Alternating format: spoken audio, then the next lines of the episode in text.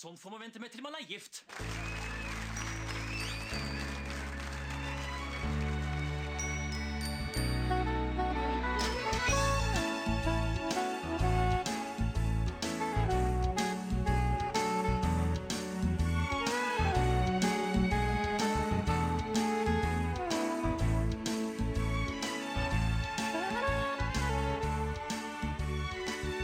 Ho, ho, ho, og velkommen til en ny episode av Norsk film filmpodkast. Podkasten hvor vi ser norsk film med et kritisk, men kjærlig blikk.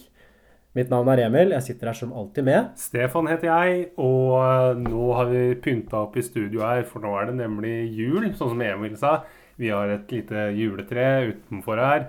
Vi har gløgg i koppene våre, pepperkaker. Vi sitter, har, spiller faktisk inn på Bærums Verk akkurat nå, og nå kjører det forbi sånn kadefart med masse små barn. Vi rinker selvfølgelig fra podkaststudioet vårt Vi har- barna. Vi har vaska gulvet, og vi har børt ved, for det er klar for en julespesial her i Norsk film filmpodkast-podkasten vår. Den eneste podkasten om norsk film. Trukket nisselua godt nedover ørene nå.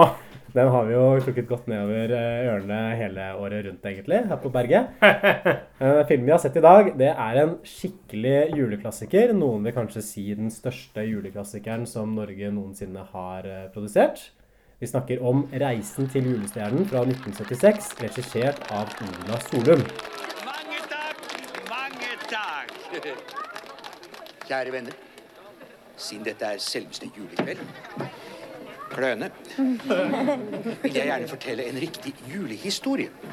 Ja, mange vil kanskje si at det er et eventyr, men jeg vet at hvert evige ord er både sant og visst. Ja, ja, ja, bare spør lille Columbine.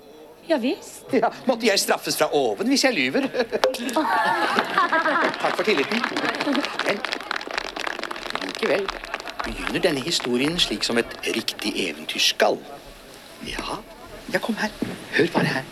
Kom igjen. Kom igjen, nå skal du høre. Det var en gang Det var en gang et land som var så vakkert. Ja, det var så vakkert at alle som kom dit, syntes at et vakrere land hadde de aldri sett. Og i dette landet hersket en konge. Og denne kongen hersket både vel og bra. Ja, så alle som bodde i landet syntes godt og vel om ham. Og kongen med sin dronning, de bodde i et stort slott. Ja, vet du. Kanskje var det nettopp et slikt slott som det dere har her.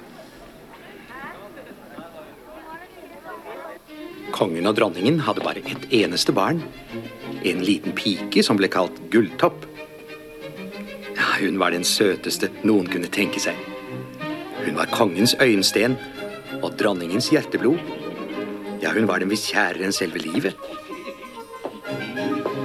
Og alt folket forgudet den lille arveprinsessen. Kongen hadde en fetter også, som var greve.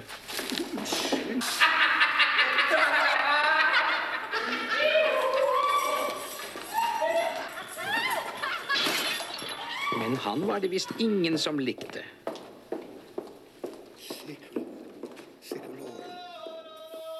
Ja, og dette er da ikke 'Reisen til julestjernen' med Anders Båsmo Christiansen i hovedrollen, som de som blir skuffet og trodde det var remaken.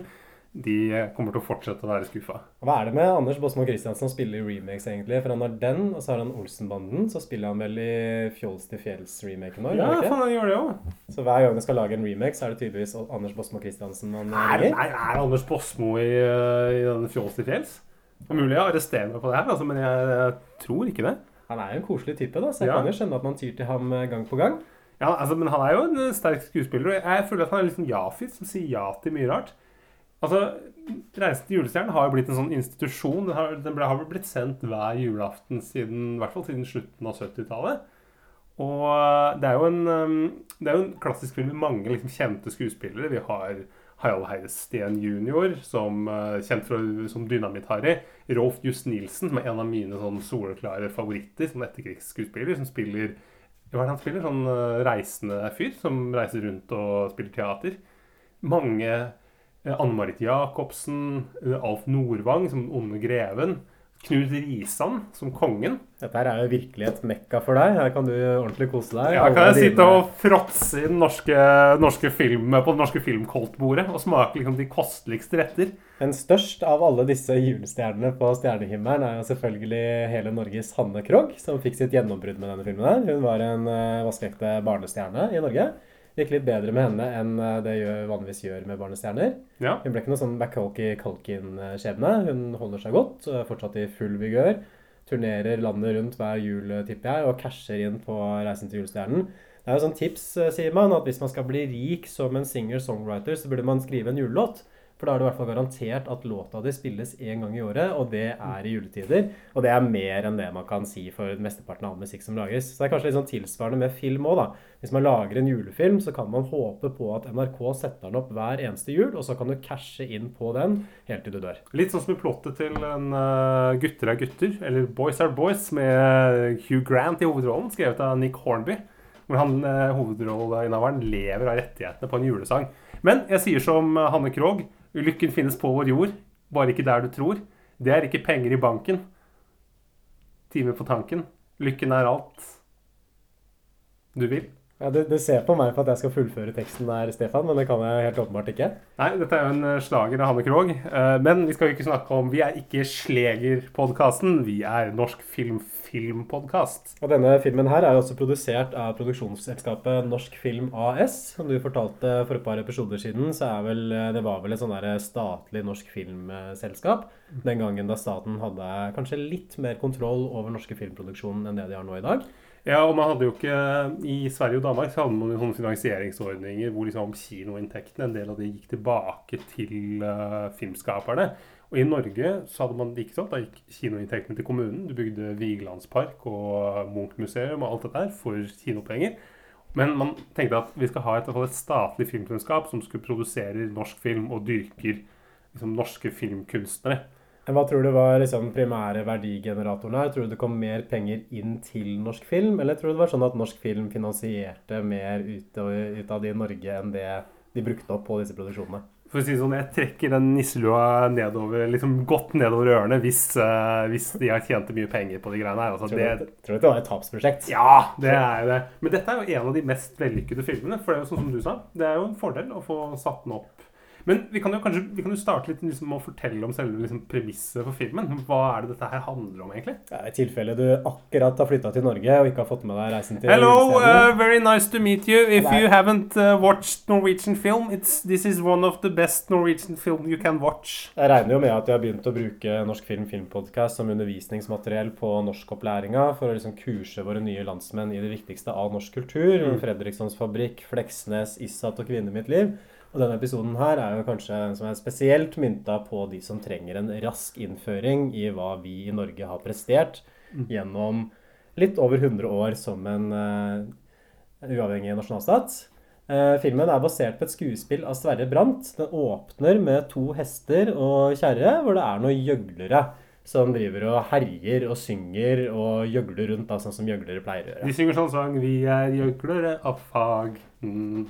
Det er et lystig lag, og Ja. de, de kjenner hver flekk på verdenskartet. Det er altså en som tar litt sånn Jackass-lignende stunt, stunt for å ta sånn frontflipp av kjerra ned i strøen, så jeg syns det er veldig kult. Og de er på vei da til en liten landsby for å sette opp en opptreden der.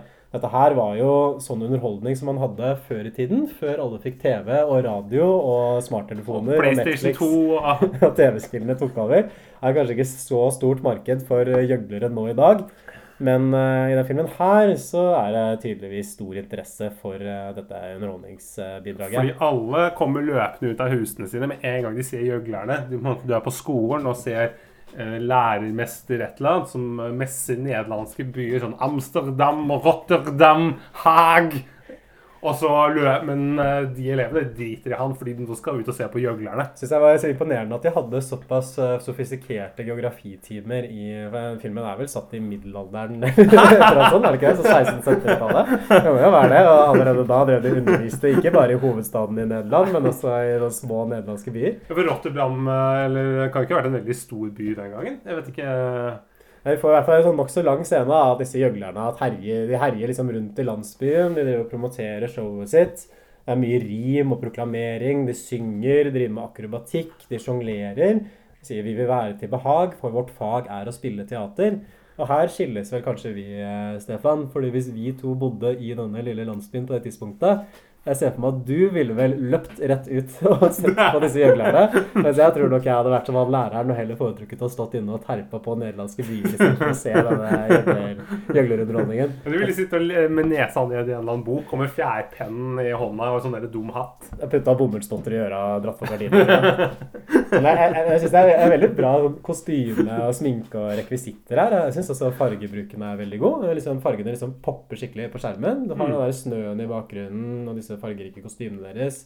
Det ser veldig bra ut, altså. Ja, det, og det ser jo nesten ut som en sånn slags middelalderby, og grunnen til at det gjør det, er jo at uh, som alle norske filmkjennere vet, så på 70-tallet, når man skulle spille inn norsk film, så var det ett sted man spilte inn, og det var på Norsk Folkemuseum. Så det er den samme gata hver gang som man bruker, og det gjør man også her. Men det gjør seg jo. Det er jo fint. Med sånne svalganger og Det holder med én gate hvis gata er fin. Ja, tenker jeg òg. Det, Og Det kommer fram at uh, dette her er jo ikke hvilken som helst kveld, det er selveste julekvelden. Og Harlekin, som er da lederen for disse gjøglerne, har derfor lyst til å fortelle en julehistorie. Så dette her er på en måte innramminga i filmen. At resten av filmen er vel egentlig et sånn tilbakeblikk, hvor gjøgleren forteller på en måte om denne reisen til julestjernen som det hele skal handle om. med en sånn fortellerstemme i bakgrunnen, så det er jo skikkelig Det er jo en jule, god julefilm. Og den er jo satt på et slott. Eh, slottet er ikke et slott, men det er Akershus festning. eh, med noen sånne løkkupler. Eh, og der bor det en konge og en dronning. Og kongen, han har en bror, og det er en ond greve.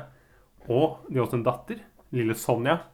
Eller Gulltopp. Gulltopp heter det, ikke sånn, Sonja Sonja. er jo navnet hun får seinere. Ja, det er sant, det. Og det er både, Gulltopp er liksom Det er eh, kongens store øyensten, og kongen og dronninga og hele folket egentlig får ikke nok av Gulltopp. Du er så søt, ja, lille Gulltopp. Det er liksom tronarvingen og liksom rikets lille sol. Og så har man denne fetteren som du var inne på, Stefan. Han er liksom forfengelig type. Det er en sånn scene tidlig der hvor han står og speiler seg. Han blir gjort narr av av hoffnarrene, anført av Harald Heide Steen jr. Det er liksom ingen som liker ham. En sånn typisk sleiping. Ja, og forteller, Men sier vel det direkte at det er ingen som liker greven. Og vi blir introdusert for den liksom, arbeidsmessige infrastrukturen på Slottet. Vi har eh, tjenere, vi har kokker, vi har hoffnarrer, vi har folk som spiller trompet når kongen kommer inn, osv. Og som vi har vært inne på før, så er det noen kjente skuespillere i staben her, deriblant Anne Marit Jacobsen, som vi i podkasten kjenner best fra storfilmen 'Weekend'. Og Harald Eidesteen, som selvfølgelig spiller narr. Man kan jo lukte Ringnesen og Trinn Han- helt gjennom skjermen. Han er møkk full under den innspillingen her. Det er, det er ikke noe tvil. Du ser det, på måte, det glinser i øynene hans. Han er på en måte helt sånne vann, det vannaktige øyne. Han er, han er ikke på vannvogna her. Han er på Ringnesvogna. En stjerne, et lysende fjern, så gjerne du enn vil ha det. Glem ikke, den stangen kan stikke. Bruk heller blikket i stedet. En stjerne er livets lanterne. En stjerne gir håp eller spenn. Så glem den. Du kan ikke få den. Først må du gi dem ditt hjerte.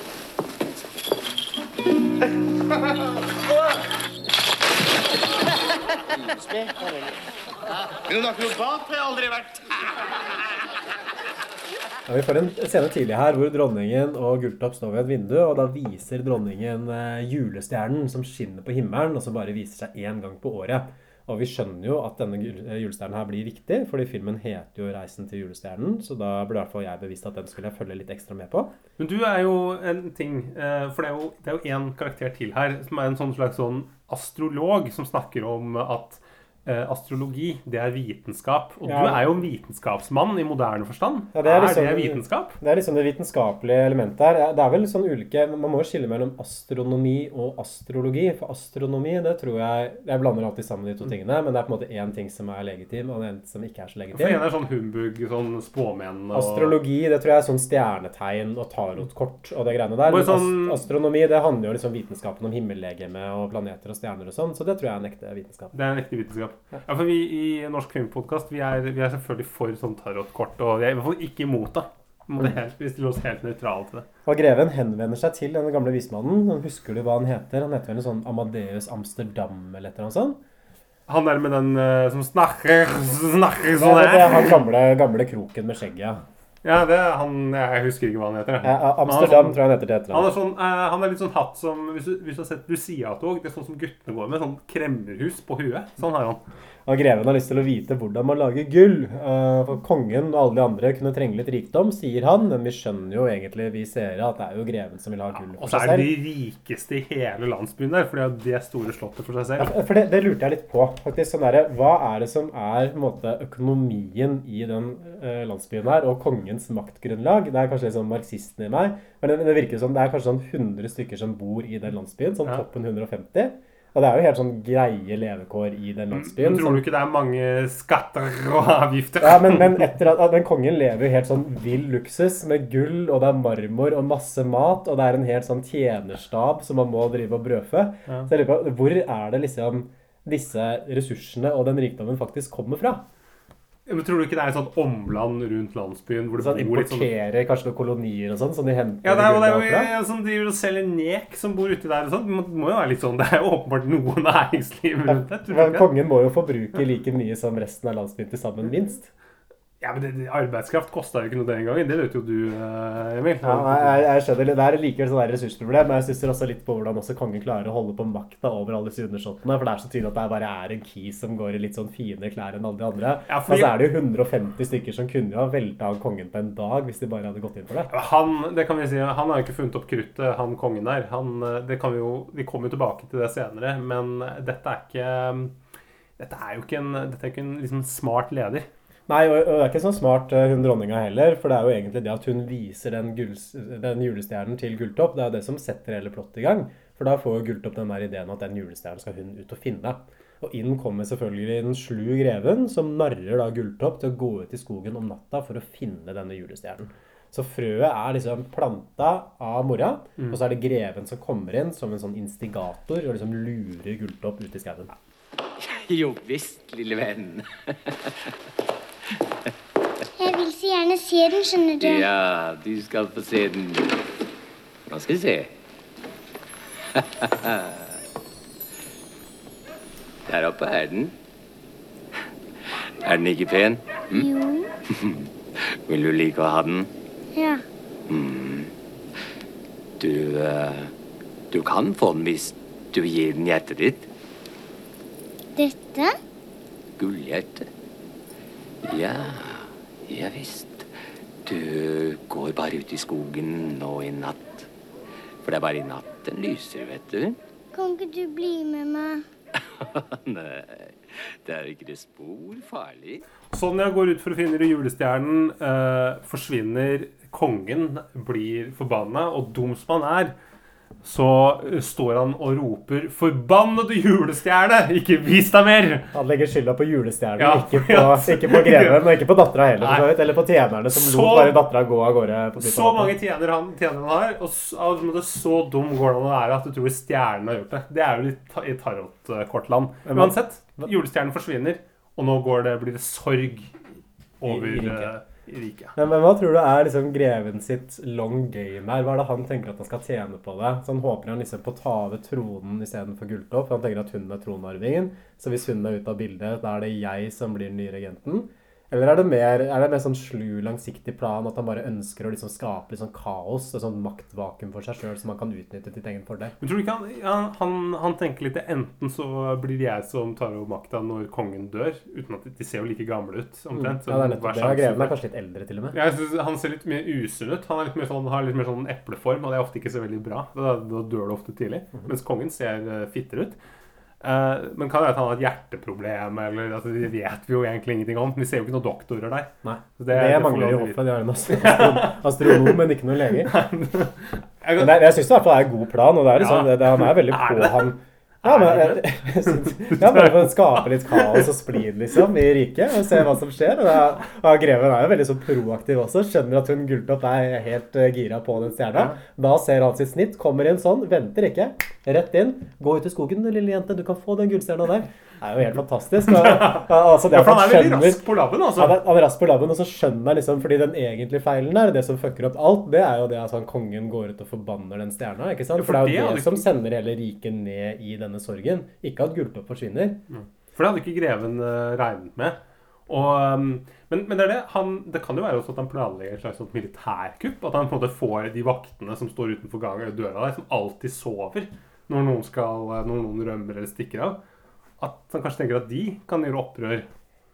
Ja, det kan de får med seg befolkningen, ja. En slags sånn der insurrection. Så det blir sånn der, en slags sånn Robespierre da, i det lille Hvorfor tror han det? For han er jo jævlig upopulær. Til og med fortelleren sier at han er ingen liker ham. Det er ingen som, ingen som har noe sans for greven. I hvert fall, Det som skjer, det er at Gulltopp roter seg bort i skauen der. Det blir skummelt med en eneste gang. Møter noen ulver og bare kommer seg bort. da.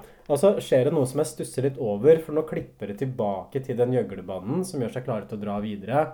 Men hva er på en måte virkelighetsplanen her? For de kommer først inn og har den forestillingen. Nå skal vi fortelle en historie, og så begynner de å fortelle om den og Gulltopp og de greiene der. Og så plutselig er de på en måte med i Nei, historien selv. Jeg, Så er det tilbakeblikk det på starten, eller er det liksom virkeligheten som smelter litt sammen her? jeg, tipper det, jeg, jeg tror det er tilbakeblikk at nå kjører de liksom Nå er de tilfeldigvis i skogen der, og så møter de på For de reiser jo alltid, og så møter de på Gulltopp. Ja, for de plukker henne opp, ja. Mm. Og, Men, og her, her er den største logiske bristen i filmen. Fordi det som skjer, er at uh, de i gjøglerbanen de adopterer Gulltopp som en slags da, egen datter. Men hvorfor sier ikke Gulltopp at nei, men jeg er jo prinsesse. Jeg hører jo til slottet der.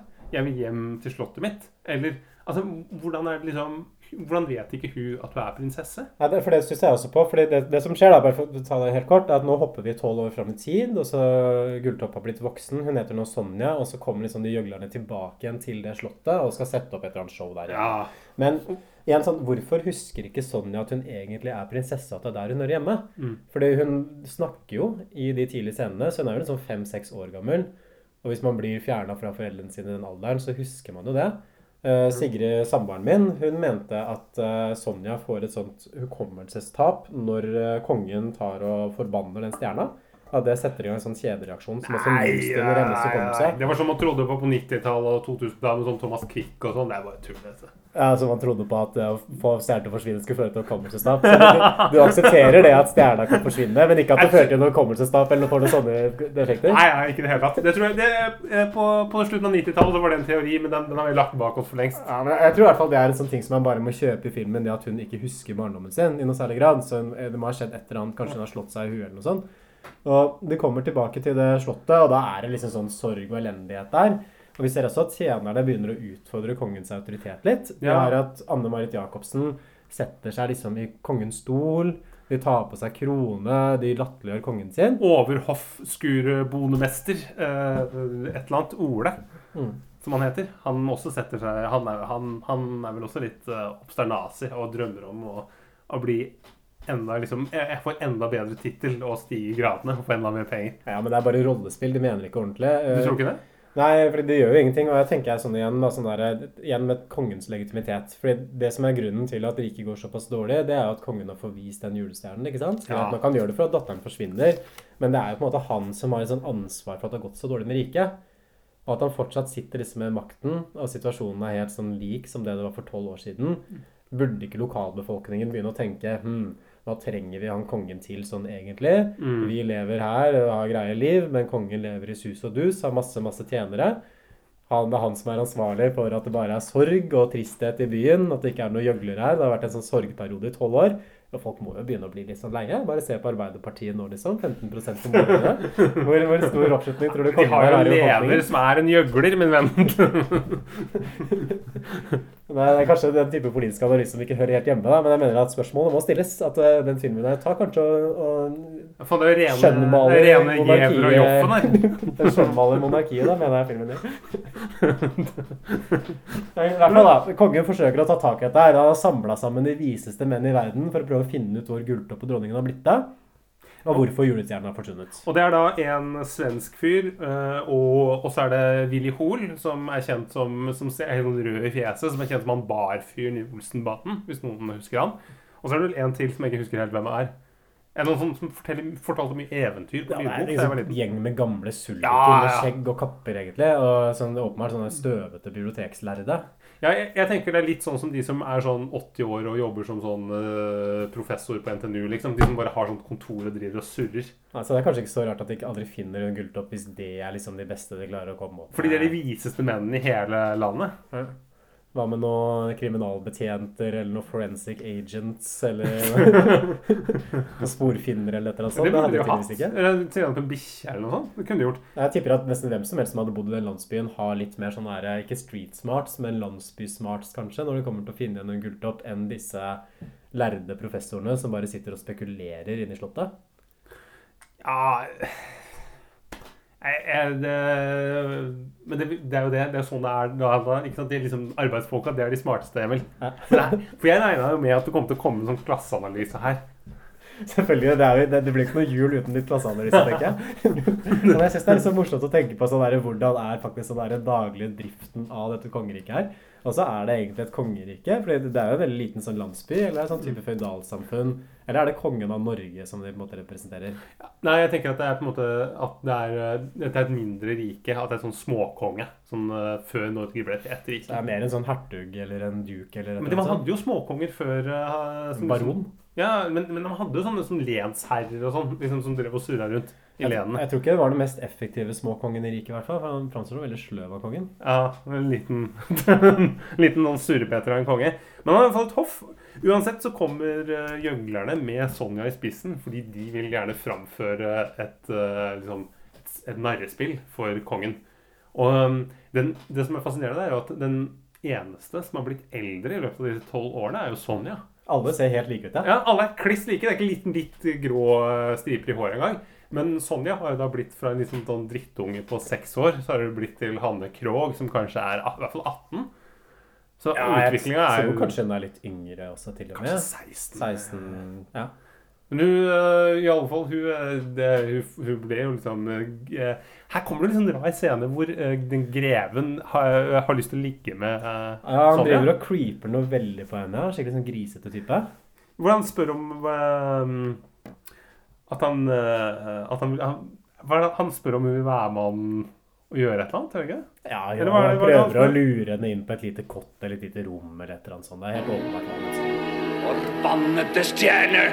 Vik bort fra mitt rike!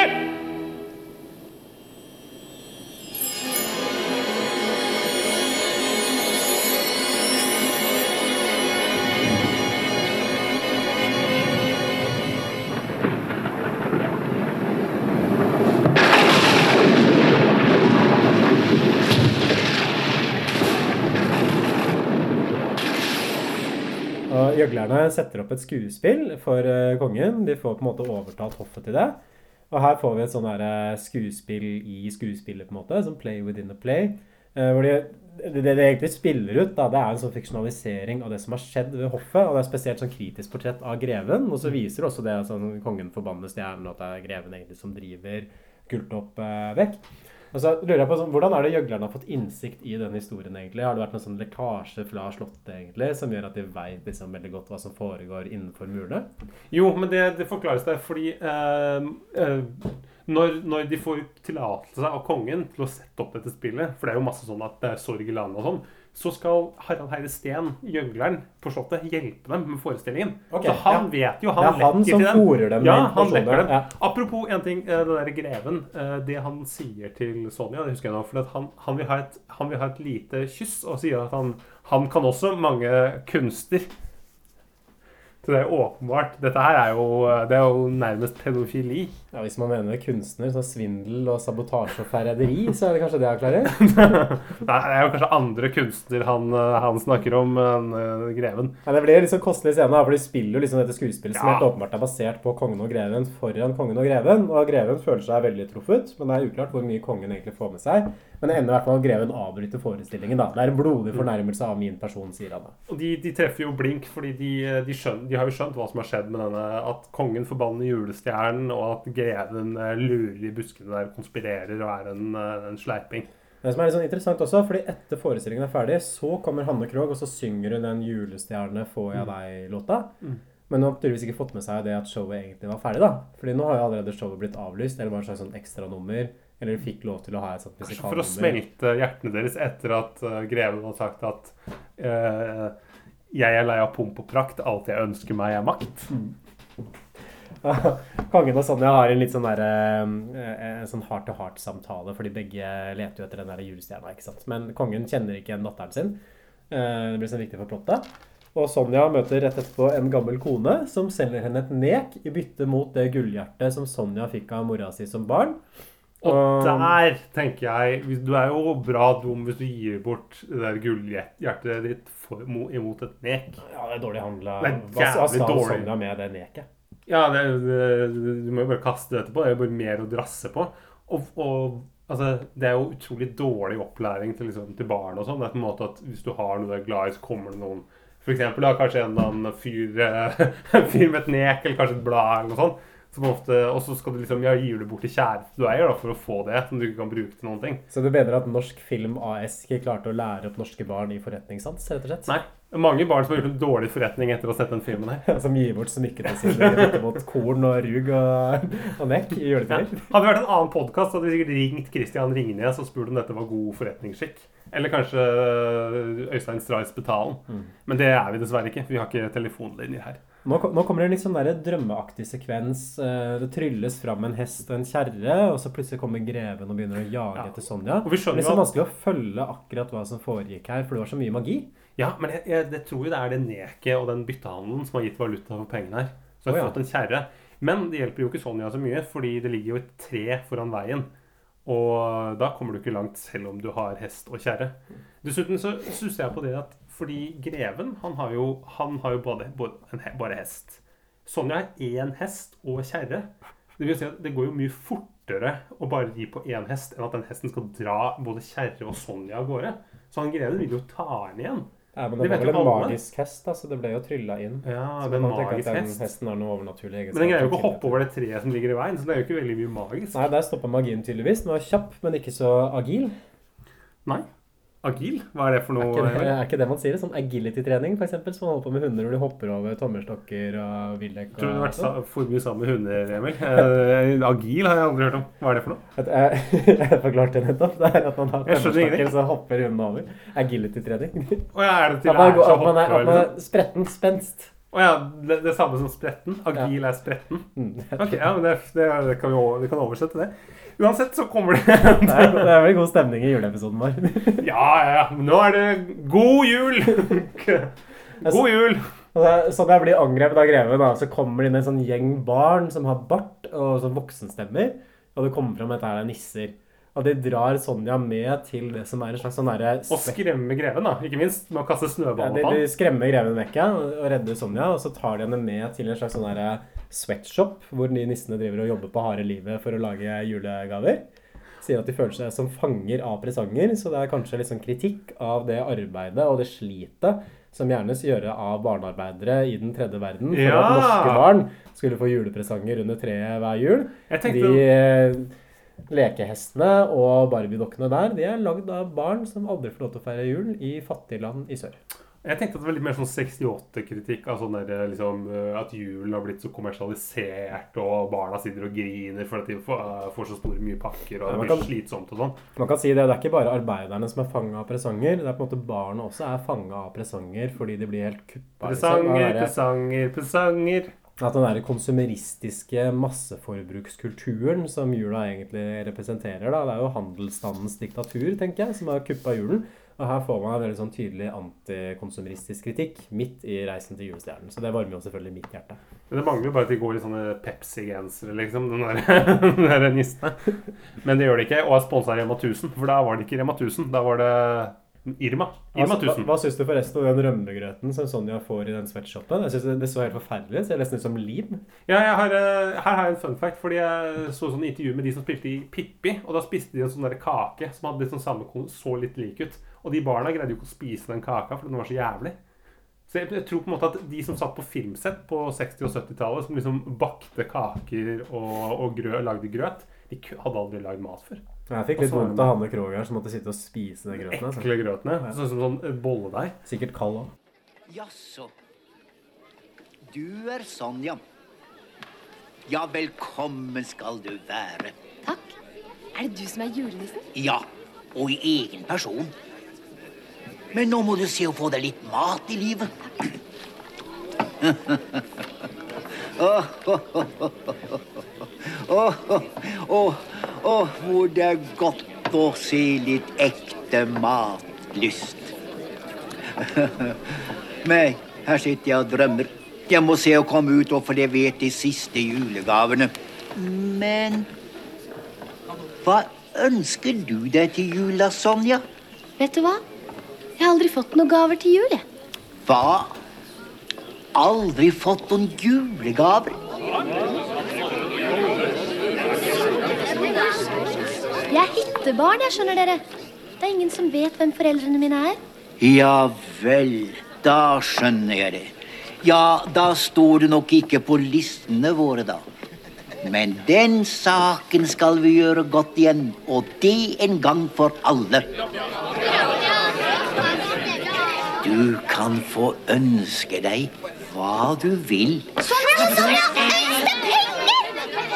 Ut med stenger. Flikkedokker. Silkesokker, Gull i strømmer. vakre drømmer, Glade smil. trekkoppbil. Koppi.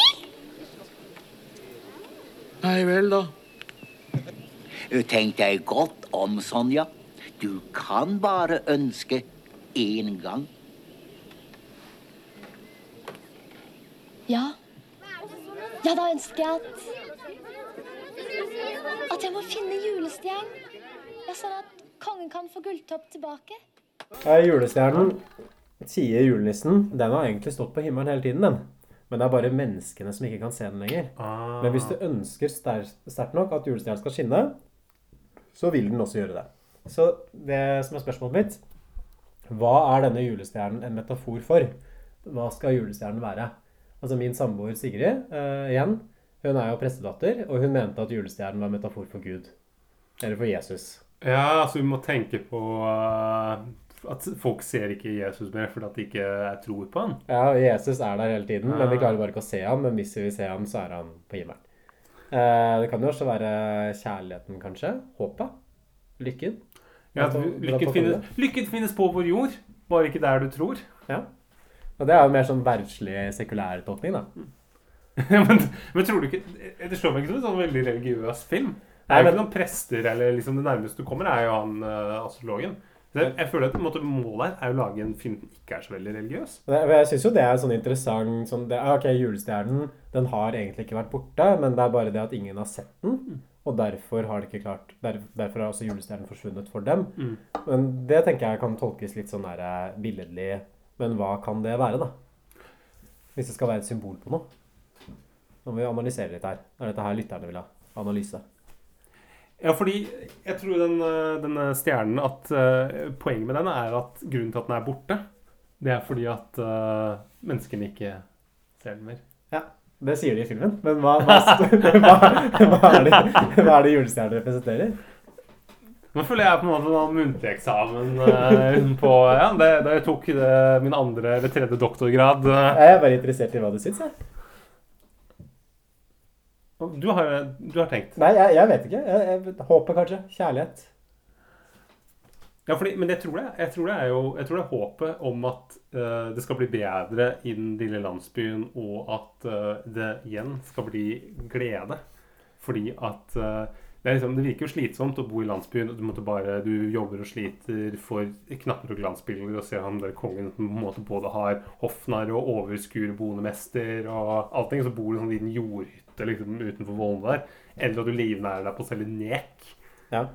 For det er interessant, fordi det er kongen som får julestjernen til å bli borte. Mm. Og Sonja måtte bli en del av gjøglerne, egentlig. Eller Gulltopp måtte, hun måtte bli en del av folket. Og når hun blir en del av folket, da kan hun si at julestjernen er der. Ja. Og så blir hun jo bare dronning da på slutten av filmen. Mm. Men da har hun på en måte vært innom arbeiderklassen. Ja, det er litt sånn, eh, det er litt sånn som noen som eh, Ja, noen, ja, noen politikere i Norge som måtte tar seg, sånn, eh, tar seg utdanning i sånn sosionomutdanning, men aldri, liksom, aldri jobber som sosionom. Men da har de på en måte, eller kanskje jobber et år, og så blir de stortingspolitikere og liksom eh, kulturminister eller helseminister.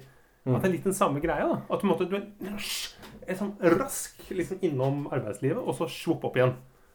På en måte, da er det litt, litt bakkekontakt. Touche nedpå hvordan vanlige folk har det. Det er liksom sånn Trond Giske nå også. ikke sant? Han måtte på en måte miste posisjonen sin i Arbeiderpartiet. Nå veit han hvordan det er å være på bånn, og da er det Nidaros lokallag. Nå ser han på en måte Sosialdemokratiske forum, men venn. Stå og steke vafler og Nå ser han virkeligheten fra folkets perspektiv, og da er han i stand til å heve seg liksom, som den viktigste utfordreren til og, Støre. og da blir han liksom den nye kongen. Akkurat som Sonja. Han er på en måte kanskje liksom, han er på en måte kanskje sett Reist til julestjernen og lært av den. da. Så er kongen i Arbeiderpartiet det er Støre som får julestjernen til å forsvinne, og så er det Haja Tajik som er greven. Ja, Vi kan fortsette med filmen, kanskje. Det blir litt mye politikk i denne episoden. her, får bare beklage det. Men eh, Sonja drar tilbake til kongehuset, og så ber hun en bønn. Sier det der 'Kjære julestjerne, skinn for meg, skinn for alle mennesker', bla, bla. Og da kommer julestjernen fram. Så det var ikke mer som skulle Ja. til enn det. Men eh, kongen er jo ikke helt de har ikke, eh, Han er ikke helt med på notene. Fordi eh, når julestjernen begynner å skinne, så kommer greven løpende og sier at jeg, jeg har fått funnet julestjernen, herre konge, og jeg har fått den til å skinne. Og alle bare Woho! Hvordan greide du det?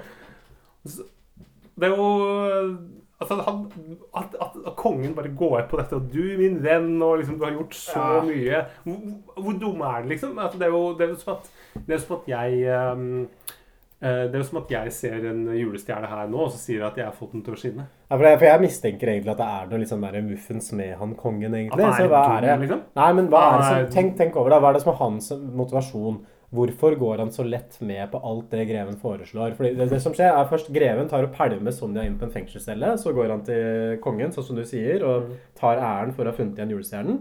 Og så sier han til kongen at jeg kan finne Sonja igjen, men på den betingelsen at jeg får gifte meg med henne, og så blir jeg konge Ja, etter at du dør. og Og, kongen bare sier sånn Ja, men det er greit, uten å blunke. Jeg trenger ikke å tenke over det engang. Og liksom finne frem penn og papir og skal skrive under. Han er ekstremt godtroende. Så denne liksom 60 år gamle han vil gifte seg med en 16-åring, da. Og på en måte si at- attpåtil liksom er hans er egen, hans egen datter. Og det, nei, men Greven er den som har stilt opp mest etter at julestjernen forsvant, så det er klart at du skal. Klart, klart skal du få gifte deg med min datter, herre med greve. Så kan man se for seg en sånn alternativ tolkning av filmen, hvor det egentlig er kongen og greven som står liksom i hardkorn. At de sammen konspirerer mot liksom julestjerna, og mot Sonja kanskje, for å prøve å liksom gripe makten seg imellom. Å ja, og, og, men, men hvorfor, hvorfor skulle de det? Hva skal Sonja Hun kan jo ikke påvirke så mye uansett. Hun blir jo ikke dronning før kongen dør.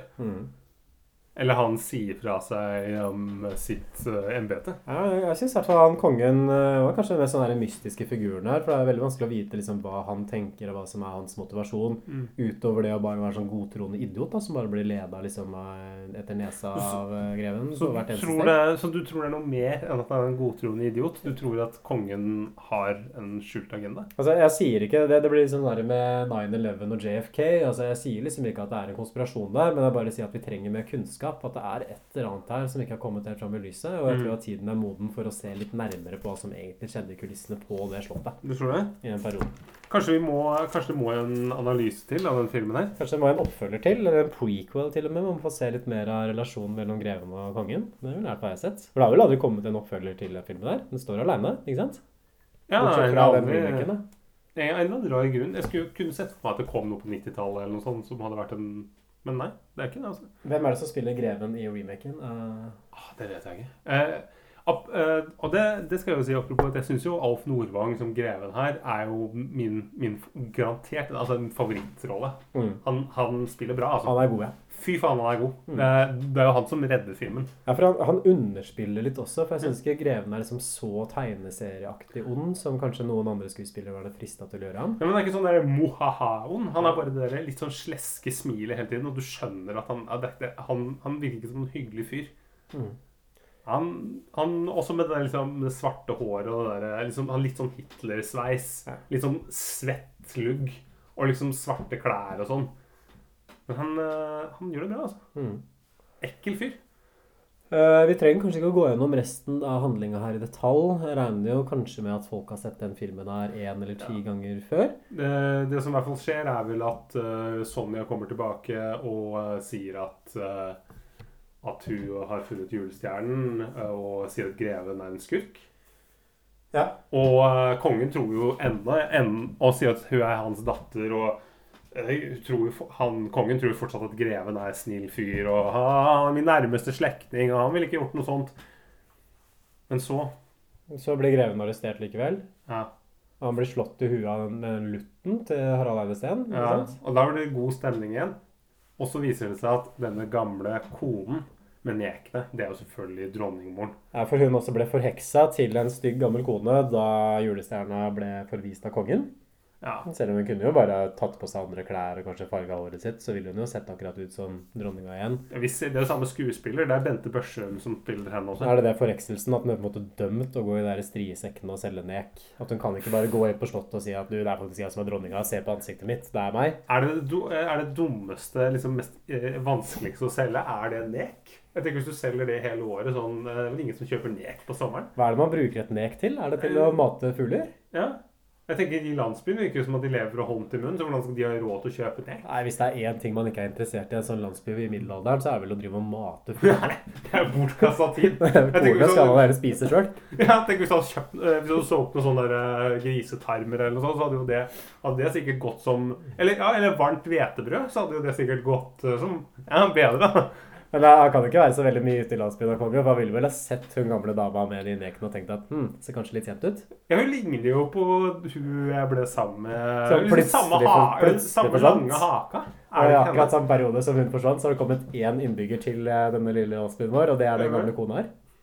For jeg, tror vil jo tro han kjenner til hvem som bor i landsbyen. At han nesten hilser når det kommer en ny innbygger. Dreier man ikke med sånn folketellinger og sånn på Ja, den tiden? gjorde vel det. Men Det var kanskje ikke kongen som gjorde det. Ja, Noe må vel kongen drive med òg. Hva tror du han gjør sånn fra dag til dag? Bare hersker? Ja, Skriver under papir og sånn. Tror du ikke Men Tror du han der overhoffskurebonemester som tar folketellingene, liksom? Eller er det han der astrologen med den der eh, dumme hatten og den rare stemmen? Nei, Anne-Marit Jacobsen, kanskje. Han Ole. Ja, men han, er over, han er overhoffskurebonemester. Eh, Så filmen slutter med at greven blir arrestert, og så har man en sånn fest hvor alle står og snurrer rundt og rundt og rundt foran kronstolene. Her slutta min stream på TV2 Play å virke, så jeg fikk ikke sett de tre siste minuttene. Men hva, Husker du hva som skjer sånn helt på slutten av filmen, eller gikk jeg glipp av noe? Uh, jeg tror bare det var en jævlig lang uh, rulletekst. Altså. Ja. Det er ikke noe det er, Kona kommer tilbake, og det er ferdig. Mm. Så det, det skjer ingenting mer. Det er, det er mulig at, uh, mulig at Overhoffskurbonemester Anne Jacobsen at de kliner på slutten. For de blir jo, det er jo sånt kjærlighets... Ja, det er liksom B-plottet i filmen som de kanskje bare har tatt inn for å dra ut tiden. Litt sånn unødvendig, egentlig. Jeg, jeg, tror kanskje at filmen varer vel 1 time og 25 minutter, 26 minutter eller Mm. eller annet sånt, og det er ganske lang både fortitler og rulletekst, da, som du sier. Kunne kanskje blitt kutta ned til én time. I dag hadde man gjort det, men jeg syns samtidig det er mange severdige scener. Sånn som f.eks. med de nissene som har eh, liksom, barn med voksenstemmer. Ja, den er god. Den likte jeg også. Trekk opp bil! Og så er det en sånn scene der altså, hvor de maler et sjakkbrett. og Det er litt sånn gøy, for de tar på en måte en sånn malerkost, og så drar de bare over sjakkbrettet. Og så kommer det sånn rutenett. Ja, for du bruker ikke sjablonger. Nei, eller det, det, det, Man skal jo sikkert ikke tenke at det gjør det, da. At det bare er sånn magisk, magisk. pensel. Ja. Så klarer du å lage et sånn rutemønster. Så det hadde vært utrolig fint å ha, da. Da, ja, da kunne vi gitt sjakkbrett til alle venner Ja. hvert år. Bare mat og mat og mat. Malt rutemønster på alt. Og vegger og tak. Åh, Og... tenk så kult. Tenk så kul leilighet du får da. Du kan bare mate på gulvet, måtte i stedet for å kjøpe fliser i rutemønster. Du kan bare gi mat på parketten. Så um, hvor mange ganger har du sett 'Reisen til julestjernen', vil du anslå? Eh, jeg tipper at jeg så den Jeg tipper at jeg har sett den 15 ganger. Jeg. Fordi jeg, har liksom hatt en sånn dødperiode de siste ti åra hvor jeg ikke har sett den. Så det var, for meg var det som å se en ny film. Jeg huska ikke så mye annet enn None Greven og han, eh, Harald Heide Steen og Ja, for jeg, jeg huska de første 30 minuttene veldig godt. Og så siste timen huska jeg litt av. Så det er vel sånn typisk at man ser liksom på julaften, og så ser man første halvtimen. Ja, kom dere, nå er Reisen til julestjernen på TV, med alle med i sofaen. Og så ser man liksom en halvtime og sitter og drikker gløgg og spiser marsipan, og så begynner man å kjede seg litt, og så går man og gjør noe annet. Ja, og, da, og da kommer jo ribbefettet og alt det her på, ja, på bordet. Gå rundt og riste litt på pakkene under juletreet istedenfor. Jeg håper selvfølgelig at det er noen harde pakker under treet. At det ikke er myke. At det ikke er noen sånne sokker eller sånne gensere fra Dressmann eller noe sånt. Mm, jeg ønsker meg bare en julestjerne. Jeg har lært av den filmen der. Den er der, den er der hvis du bare tror. Men det er jo en koselig film, da, syns ikke det? Jeg liker den. Jeg, altså, jeg skjønner at den har blitt sendt hvert år. Jeg har ikke noe, har ikke noe Den er slitesterk.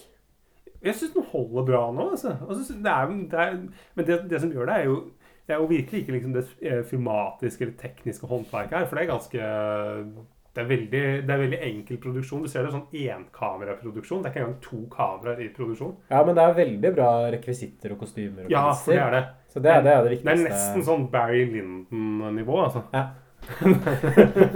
det er Norges Kubrick. Det er eh, Ola Solum. Um, nei, hvis man skal sammenligne den, for det er jo andre sånne julesvisker som går. Så da er eh, Tre nøtter til Askepott. Det tror jeg aldri har sett ferdig. Det syns jeg er veldig kjedelig. Jeg syns det er grusomt kjedelig. Og det, det har jo liksom fordelen med Reisen til julestjernen, for jeg huska det som barn. At jeg skal liksom se på Tre nøtter til Askepott først, og så skal jeg se på Reiser til julestjernen, eller hvordan det var, da. Liksom, uansett hvilken rekkefølge det var. Husker jeg alltid at jeg syntes at Reisen til julestjernen var mye bedre å se, og mye mer underholdende å se enn Tre nøtter til Askepott. Så jeg tenkte liksom i mitt hode Hvis jeg måtte velge mellom de to, Mm. så er jeg en Reisen til julestjernen-gutt. Ja, Ikke Askepott-gutt. helt enig. Og det, det er jo en fun fact for dere som elsker en uh, Askepott, er jo at kongen spilles jo av Knut Risan, som har stemmen i 'Trener til Askepott'. Ja, ja, det er sant, ja. Ja. Så Knut Risan, han skor seg på jula. Ja, fy faen, han er, han er populær i jula. Ikke ellers. Og så har man jo Hva annet er det som går av? Du har Jul med Fridtjof til Øyvind Blunk. Det syns jeg kanskje ikke har holdt seg så godt. Nei, den, eh, den tenkte vi å ta i neste episode, til dere som eh, gleder dere til den. Jeg har tenkt å ta i hele 2023, blir det nå? 2024? Hvilket år er det vi står overfor? Er det 23? 23 er det nå. Ja, 22 er det nå, ja. ja når jeg spiller igjen. Du tror alltid tida går så fort, du. I 2023 så blir det kun sånn julefokus. Så vi kommer til å ta én julefilm i uka. Jepp. Det blir uh, Tante Pose, det blir um, eh, Um, de- de Reverumpa. Flåklypa Grand Prix med Reverumpa. Det er julekalender, selvfølgelig. Nei, jeg skal ikke det. Men, men jeg, jeg syns kanskje 'Reise til julestjernen' Hvis man skal se én julefilm, så er vel dette her eh, beste valget man har, er det ikke det? Jo, uh, definitivt. Du skal ha en veldig sånn, god norsk jul. Som noen veldig sånn, gamle, irriterende mennesker ofte sier. Litt som Dan Børge Aker og Kåre Willoch kunne sagt det. Så burde du se 'Reisen til julestjernen'. Men nå begynner vel ribba å bli ferdig i ovnen her, eh, Stefan, så vi får begynne å runde av. Ja, jeg ser det. Svoren begynner å bli sprø. Jeg ser sprøtt ut, ja. Ja, se der. Se hvordan det Og du, vi, eh, bare, vi har sånn eget ribbeprogram på Komfyren, så vi trenger ikke å følge med og lære oss å steke svor, for det gjør Komfyren for oss, det. Og så skal vi fram med en sånn blowtorch etterpå liksom for å scorche ribba, for det har jeg lært av Hellstrøm at man skal gjøre. Så skal vi jo skåle litt i, i akevitt. eh. Ekte løyten på bordet her. Skal, vi, skal vi gi et ternekast til filmen her? Skal vi drite i det? Blir det så, eller blir det så Nei, poengløst å gi ternekast? jeg må gi ternekast. Jeg gir terningkast fem. Ja, jeg får gå for en uh, firer, jeg, da. Hæ? Det var, synes jeg var smålig av deg, Emil. Ja, og det har vært så raust tidligere år, så et sted hvor det grensa går. Ja, ikke raus rundt jul. Du er på en måte motsatt av Nei, jeg, synes jeg, jeg er ikke helt fan av det der at man bare skal gi jula. Så jeg tenker at man kan gi resten av året. Så kan man heller være litt sånn gjerrig i juletidene. Så det gjør jeg bare for å liksom statuere et eksempel. Men når man skal trekke fram liksom alle folk som ikke får vanlig liksom, oppmerksomhet ellers, de skal jo få komme fram i lyset. Ja, da skal vi syns jeg det burde være omvendt, at de kan få oppmerksomhet de øvrige dagene. Og så Ja. jula, da kan alle tenke på seg sjøl. Ja, det syns jeg var godt sagt. God jul! God jul!